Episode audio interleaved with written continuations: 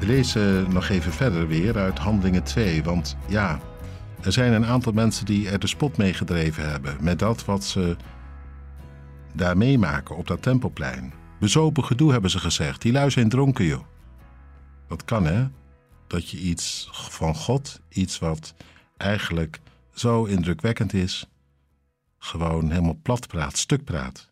Met één opmerking opzij schuift. Ik hoop niet dat jij dat doet in je leven. Nou ja, ik ga er maar even vanuit dat je dan niet zou zitten te luisteren. Of ja, misschien ook wel, toevallig. Nou goed dan, dat jij vooral vanochtend even dit woord hoort. Het is geen bezopen gedoe.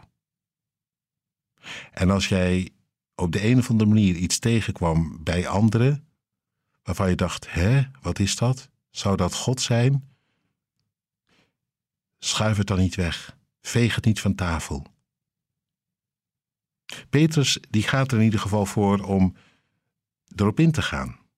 Op die cynische opmerking. En hij zegt: nee, niks ervan. Ze zijn niet dronken. Dit is wat anders. Dit is de vervulling van de belofte. De belofte die ooit werd gedaan door Joël. Aan het einde van de tijden, zegt God, zal ik mijn geest uitgieten over al wat leeft.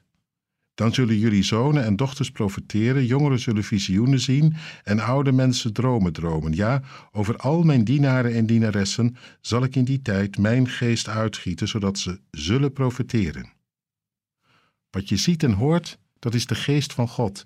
En het is niet alleen iets voor hen, zegt Petrus, maar het is iets voor iedereen. Het begint nu hier op het Tempelplein, maar het wil een breed bereik hebben.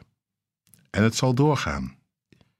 Daar zal het laatste hoofdstuk van de geschiedenis mee worden gevuld. Met de geest, die allerlei mensen opzoekt en aanraakt. En wij zitten er middenin. En, en dat Petrus maar geen onzin zei, dat weten wij intussen. 2000 jaar lang is de geest al in de weer. En bezig om mensen aan te raken overal vandaan. Ook hier en nu, vandaag. Prachtig als je dat bedenkt. Woorden toen die ochtend uitgesproken en die intussen waar zijn geworden. En waar jij misschien zelf wel het levend bewijs van bent. Mijn geest op alle vlees. En dan is er geen verschil jong, oud, rijp en groen, hoog en laag.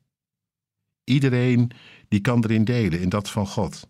Bij God geen onderscheid. Integendeel, je kunt allemaal even rijk bedeeld worden met zijn geest, met zijn genade.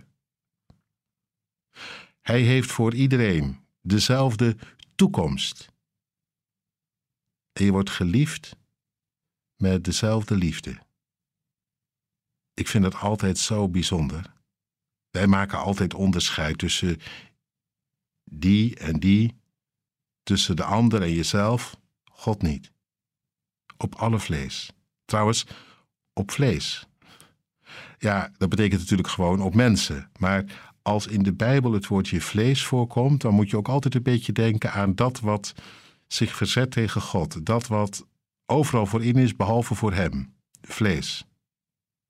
Dat is niet iets wat vanzelf naar God uitgaat, wat naar Hem verlangt. Integendeel, wat als vanzelf eigenlijk geneigd is um, Hem op afstand te houden, buiten de deur, eigen gang te gaan. Zijn geest op alle vlees. Dat maakt alles anders. Dat maakt dat er in jou iets omgaat. Zijn geest die jou zo de baas wordt op een hele genadige manier dat jij je gewonnen geeft aan dat liefdevolle van God. In plaats van dat je je vastbijt in dat eigen gerijden van jezelf. Reken maar dat je daar een mooi mens van wordt.